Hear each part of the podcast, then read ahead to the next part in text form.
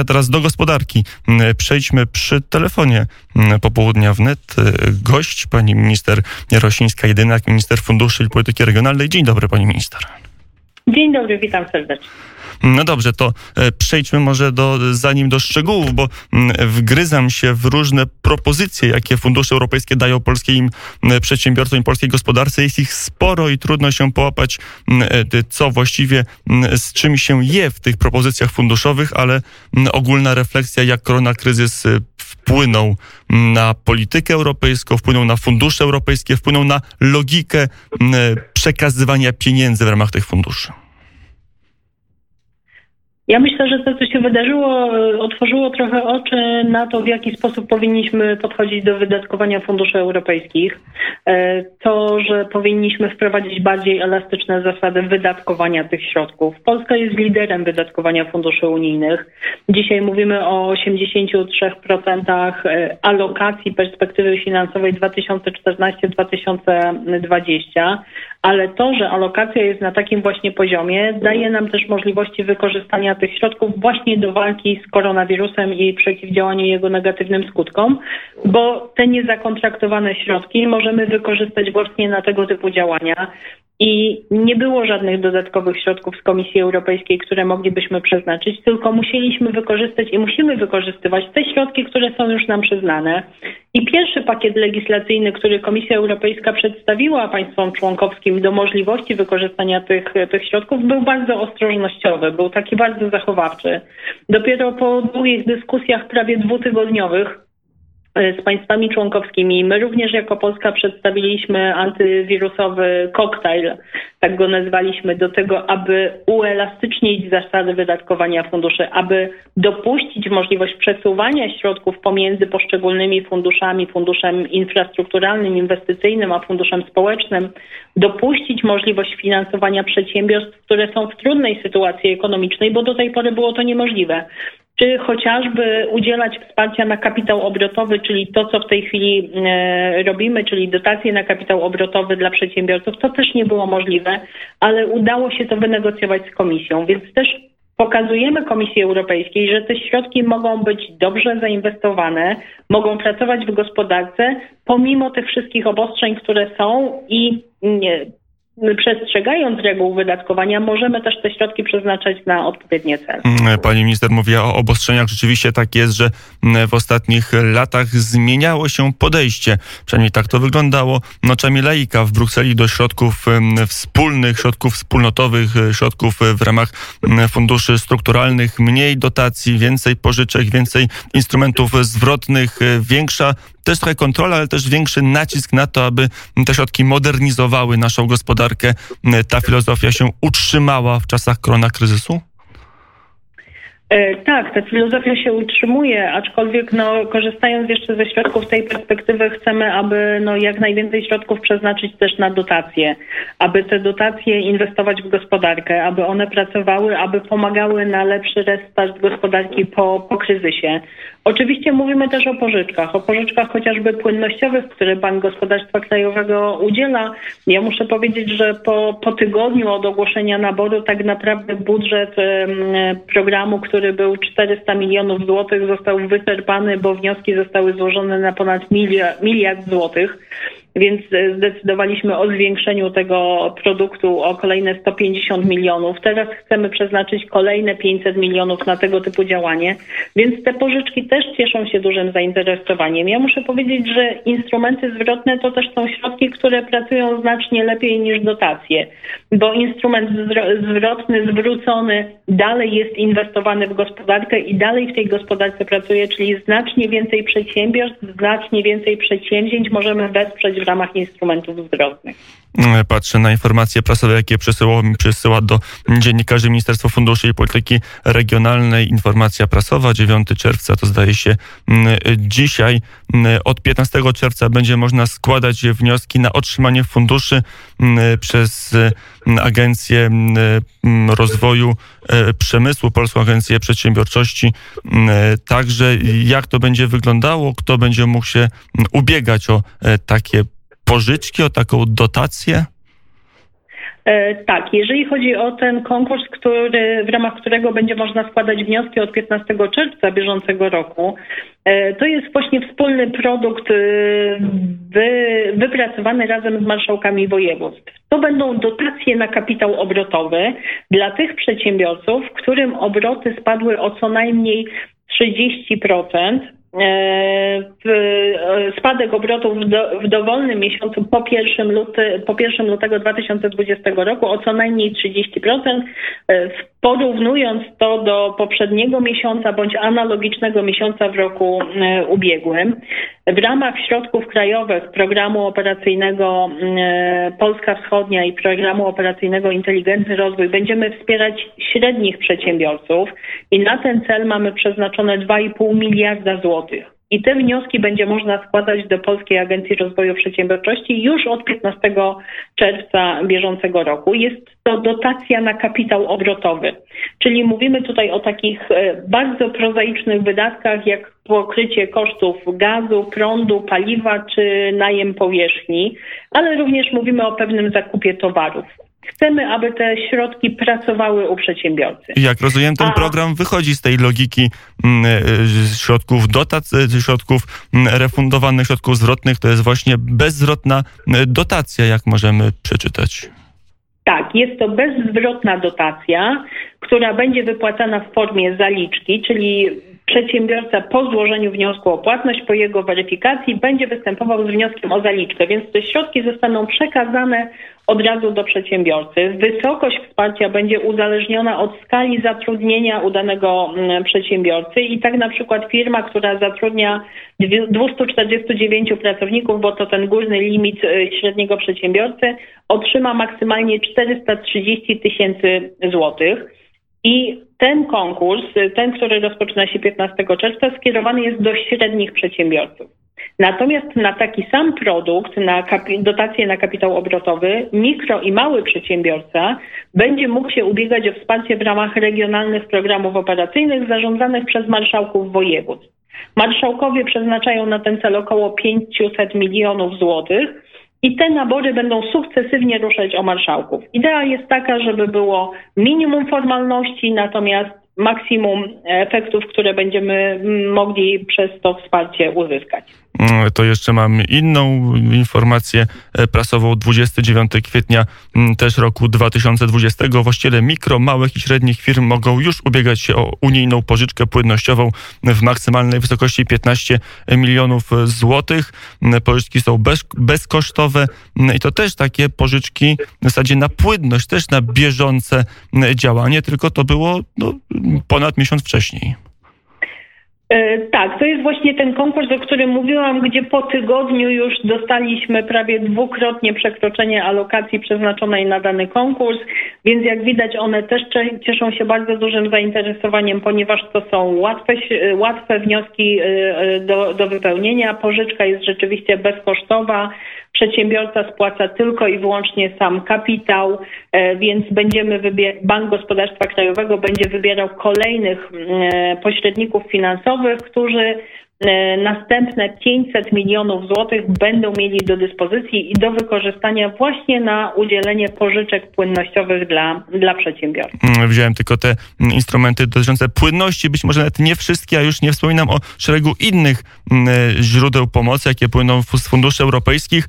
Z jednej strony to dobrze, a z drugiej strony e, pytanie, jak się w tym wszystkim połapać? Może warto jakiś podręcznik finansowej tarczy pomocowej zrobić, bo e, tych e, elementów, tych instrumentów jest na tyle dużo, że e, trudno je na pierwszy rzut oka spisać sobie na jednej kartce, pani minister. Tak, instrumentów jest dużo, ponieważ staramy się uszyć takie wsparcie na miarę potrzeb, więc jest ich sporo, bo są to również kredyty technologiczne, są to również, e, jest to również pomoc w utrzymaniu miejsc pracy, również są to granty na badania, więc naprawdę tego wsparcia jest bardzo dużo. Są też przedsiębiorcy, którzy pytają o takie zwykłe wsparcie inwestycyjne, takie niekoniecznie ratujące ich z, z pandemii, która ich dotknęła, ale właśnie takie, gdzie będą mogli zainwestować środki. My przygotowaliśmy E, funduszowy pakiet antywirusowy, ponieważ mamy tarczę antykryzysową, mamy tarczę finansową, to my jako Ministerstwo Funduszy i Polityki Regionalnej przygotowaliśmy funduszowy pakiet antywirusowy. Na stronach naszego ministerstwa można znaleźć informacje właśnie o tych wszystkich formach wsparcia, które są w tej chwili dostępne dla przedsiębiorców. Przypomnę, na łatwiejszych, bardziej elastycznych e, zasadach udzielania tego wsparcia. Przede wszystkim chodzi o to, żeby jak najszybciej środki trafiły do przedsiębiorców. Mm, e, przy telefonie Małgorzata Jarosińska-Jedynak, minister funduszy i polityki mm, regionalnej. Na ile Pani zdaniem polska przestrzeń gospodarcza, ta związana czasami bezpośrednio z działaniem w, mm, w ramach e, funduszy europejskich, zmieni się w wyniku mm, kryzysu? Na ile te wszystkie środki, strumienie pomocowe, które Państwo zaplanowaliście, które Państwo realizujecie, wpłyną na to, że e, ta gospodarka za rok, za dwa wróci do podobnego poziomu, jak była w roku 2019? I ja muszę powiedzieć, że te wszystkie instrumenty, które zostały przygotowane zarówno przez rząd, y, tarcza antykryzysowa, finansowa tarcza, ale również nasz funduszowy pakiet antywirusowy, działają bardzo dobrze, ponieważ wszelkie analizy, również te analizy przeprowadzane przez Komisję Europejską pokazują, że polska gospodarka najmniej ucierpiała ze wszystkich, ze wszystkich e, gospodarek e, pozostałych państw członkowskich. Myślę, że jest to też zasługa tych działań, które zostały podjęte przez rząd pana premiera Mateusza Morawieckiego tego zamrożenia, które się pojawiło w odpowiednim momencie. No i to powolne odmrażanie, które ma miejsce w tej chwili. Reagujemy na za zarażenia, na liczbę zarażeń i adekwatnie do tego odmrażamy też gospodarkę, co powoduje też, że ja mam nadzieję i mocno za to też trzymam kciuki, że ona naprawdę ucierpi jak najmniej i ten restart gospodarki przy pomocy tych wszystkich środków, które są w tej chwili dostępne, również ten fundusz odbudowy, o którym wspomina Komisja Europejska, który będzie dostępny dla naszego kraju, spowoduje, że będziemy mieć łatwiejszy start niż pozostałe państwa członkowskie. Do Funduszu Odbudowy jeszcze przejdziemy, bo to wszystko, o czym mówimy, to w ramach obecnej perspektywy finansowej bez nowych pieniędzy. Jak pani minister podkreśliła, to są tylko mm, roszady, zmiany zasad w ramach już funkcjonujących mm, programów operacyjnych i tych regionalnych i tych ogólnopolskich. Mm, a chciałem się zapytać, czy pani minister ma porównanie, jaka jest waga unijnych pieniędzy w walce z koronakryzysem, ile my angażujemy własnych krajowych środków, a ile dorzuca się do tego, mówiąc bardzo, bardzo kolokwialnie, Unia Europejska. No tak jak mówiliśmy, y, Unia się jeszcze nie dorzuciła, ponieważ my na razie rozmawiamy o tych kwestiach związanych z Funduszem Odbudowy, który jest dopiero projektowany. Natomiast te środki, które wykorzystujemy w ramach funduszowego pakietu antywirusowego, to są środki, które nie zostały zakontraktowane w tej perspektywie finansowej. I Polska też ze względu na to, że zaplanowaliśmy y, racjonalne wydatkowanie tego pakietu, który był nam przeznaczony, mogła mieć do dyspozycji jeszcze 17% alokacji, czyli mówiliśmy około 30-40 miliardach, miliardach e, złotych, które były do dyspozycji.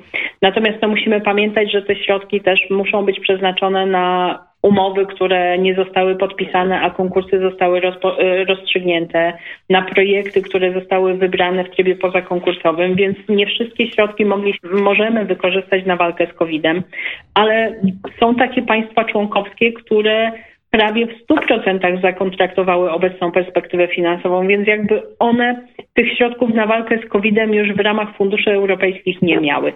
Dzisiaj mówimy o funduszu odbudowy, który ma być przeznaczony przez, e, przez e, Unię Europejską bardzo szybko. Mówią o tym, że do końca roku chcielibyśmy, żeby ten fundusz był wypracowany, żeby było wiadomo, jakie inwestycje będą finansowane. I są to dopiero teraz środki, które Komisja Europejska wygospodarowała i chce przeznaczyć na walkę tak naprawdę ze skutkami pandemii. Przecież akurat bo... w moim pytaniu bardziej mi intrygowało, ile pieniędzy z tych instrumentów, których już kilka, dwa, a jest ich e, kilka, kilkanaście w ramach działania pani ministerstwa zostało wdrożonych, ile pieniędzy popłynęło tym kanałem do polskich przedsiębiorców, nie w wyniku rutynowych mhm. działań, tylko tych ponadstandardowych to w wyniku tych ponadstandardowych działań do nie tylko do przedsiębiorców, bo mówimy też o obszarze ochrony zdrowia, popłynęło 14 miliardów złotych.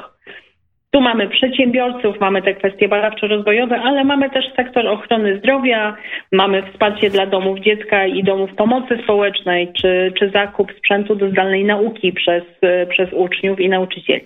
No to na koniec jeszcze jeden temat. Przy telefonie pani minister Jarosińska, jednak minister funduszy i polityki regionalnej, odpowiedzialna za wdrażanie i, i za Mm, wydawanie środków europejskich, za ich absorpcję. Mm, fundusz odbudowy, czyli ten nowy, o którym już pani minister kilka razy wspomniała, mm, fundusz na walkę z koronakryzysem, 750 miliardów euro ma e, liczyć, ale żeby on był w Polsce wdrożony, tak rozumiem, też Polska musi e, swój własny krajowy plan odbudowy przygotować. E, tak, założenie jest takie, że państwo członkowskie, w tym również Polska, musi przygotować swój krajowy plan odbudowy. W ramach tego krajowego programu odbudowy mm, powinny być wskazane przedsięwzięcia, projekty, które będą realizowane e, w ramach wskazanych obszarów. E, dzisiaj mówimy, że Polska może liczyć na około 64 miliardy euro dofinansowania, e, z tym, że no jest to fundusz, który musi być wydatkowany stosunkowo szybko, ponieważ komisja mówi o 2024 roku, więc e, my już w tej chwili pracujemy. Przy naszym ministerstwie powstała grupa zadaniowa do, do spraw właśnie Krajowego Programu Odbudowy. Chcemy wypracować projekty, które będą wpisywać się w jego założenia. Oczywiście opieramy się na tych przedsięwzięciach, które zostały wskazane w strategii na rzecz odpowiedzialnego rozwoju, ponieważ one wpisują się w ten trend odbudowy gospodarki, ale również i dalszego działania gospodarczego, tak żeby ta gospodarka rozwijała się dalej na jak najlepszych zasadach. Pani minister, ile my jako Polska, jako Warszawa mm, e, mamy przestrzeni wolności w tym programie? Ile możemy, na ile elastycznie możemy kształtować nasze wydatki w ramach tego e, dużego, sporego funduszu odbudowy europejskiego?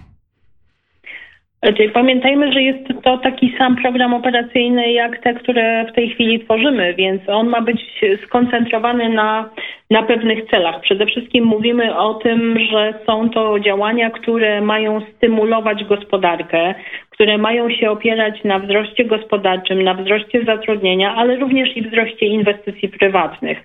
E, opierając się również o zieloną transformację czy cyfrową transformację. Więc jest to naprawdę duże pole do, do manewru w tym momencie, aby znaleźć projekty adekwatne do celów e, programu, nad którym też ja muszę powiedzieć, że my dyskutujemy, ponieważ komisja na razie podała bardzo szczątkowe informacje, więc wszystko w najbliższych dniach będzie się rozstrzygać ale chcemy wypracować takie projekty, takie przedsięwzięcia, które będą powodować ten wzrost gospodarczy i windować nas w tych wskaźnikach dotyczących gospodarki. Jak rozumiem, rząd podzieli tą naszą pulę, mm, czyli te 64 miliardy euro, na jakieś osobne kieszonki.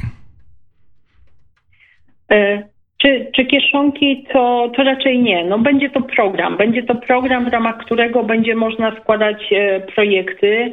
Z takich wstępnych informacji przekazanych przez komisję będzie to program zarządzany centralnie, więc te projekty trzeba będzie przedkładać komisji i komisja będzie ostatecznie decydować o ich wyborze. Aczkolwiek, tak jak wskazywałam przed chwilą, no wszystko jest jeszcze w ramach negocjacji. E, I tak jak to ma miejsce w programach operacyjnych, trzeba będzie złożyć wniosek o dofinansowanie na najlepsze przedsięwzięcie. Ale to nie będzie tak, że tak jak w ramach funduszy strukturalnych, że to są takie programy centralne, którym zarządza ministerstwo i to ono mniej więcej decyduje, kto dostanie, a kto pieniędzy nie dostanie. Tutaj to wszystko będzie w rękach Brukseli z tych wstępnych założeń, które przekazaliśmy, tak to wygląda. Czyli państwo członkowskie przygotowuje program, przygotowuje program z informacją, z celami, założeniami i też efektami realizacji i listą przedsięwzięć, które mają być w ramach tego programu realizowane. A następnie poszczególni, e, poszczególne podmioty, beneficjenci składają już wniosek o dofinansowanie najprawdopodobniej bezpośrednio do Komisji Europejskiej, aczkolwiek te kwestie nie zostały jeszcze rozstrzygnięte. Może się okazać, że to ministerstwo będzie tym pierwszym sitem, które będzie weryfikować te wnioski o dofinansowanie i dopiero później przekazywać je do Komisji. Ale tutaj te dyskusje jeszcze trwają. No, na koniec, kiedy poznamy te nasze krajowe ramy implementacji wdrażania Funduszu Odbudowy? E, oczywiście chcielibyśmy to zrobić e, jak najszybciej, z tego względu, że zależy nam na czasie, ponieważ Komisja Europejska mówi, że chciałaby już, żeby wstępne programy były przedstawione na jesieni. Dlatego my jesteśmy po pierwszym spotkaniu, pracujemy nad projektami, więc e, też chcielibyśmy je E, mam nadzieję, że w lipcu, może początkiem sierpnia przedstawić, mieć gotowy przynajmniej zarys, wstępny zarys tych przedsięwzięć, które mogłyby być e, realizowane. Mm, często mówimy, że te pieniądze muszą być szybko w czasach korona kryzysu. Jeżeli koniec lipca, przedstawienie propozycji, potem dyskusja, e, potem zmiany, potem kolejna dyskusja, to realnie kiedy mogą do polskiej gospodarki popłynąć środki z Funduszu Odbudowy? Pamiętajmy, że to wszystko też jest uzależnione od kwestii dotyczących e, przyjęcia negocjacji z Komisją Europejską dotyczących przyjęcia wieloletnich ram finansowych, ponieważ ten fundusz odbudowy ma być negocjowany i zatwierdzany na E, na Radzie Europejskiej. E, pierwszym terminem był 19 czerwca i ja trzymam mocno kciuki, żeby to był 19 czerwca i państwa członkowskie, żeby się dogadały na tej Radzie 19 czerwca i wtedy będziemy mogli już zacząć pracować. E, biorąc pod uwagę to, o czym mówimy, że są to środki, które szybko powinny trafić do, do, do poszczególnych państw członkowskich i pracować na, na gospodarkę, komisja twierdzi, że to będzie najprawdopodobniej początek przyszłego roku, kiedy te środki będą mogły trafiać, bo tu są jeszcze uzgodnienia, negocjacje z Komisją Zapisów Programu, dyskusja na temat projektów, przedsięwzięć, które są wskazywane przez państwa członkowskie. Więc ym, przyjmując założenia Komisji, ja też trzymam kciuki, żeby to był początek roku. Powiedziała pani minister Małgorzata Jarosznińska, jednak minister funduszy i polityki regionalnej. Pani minister, dziękuję bardzo za rozmowę. Dziękuję bardzo.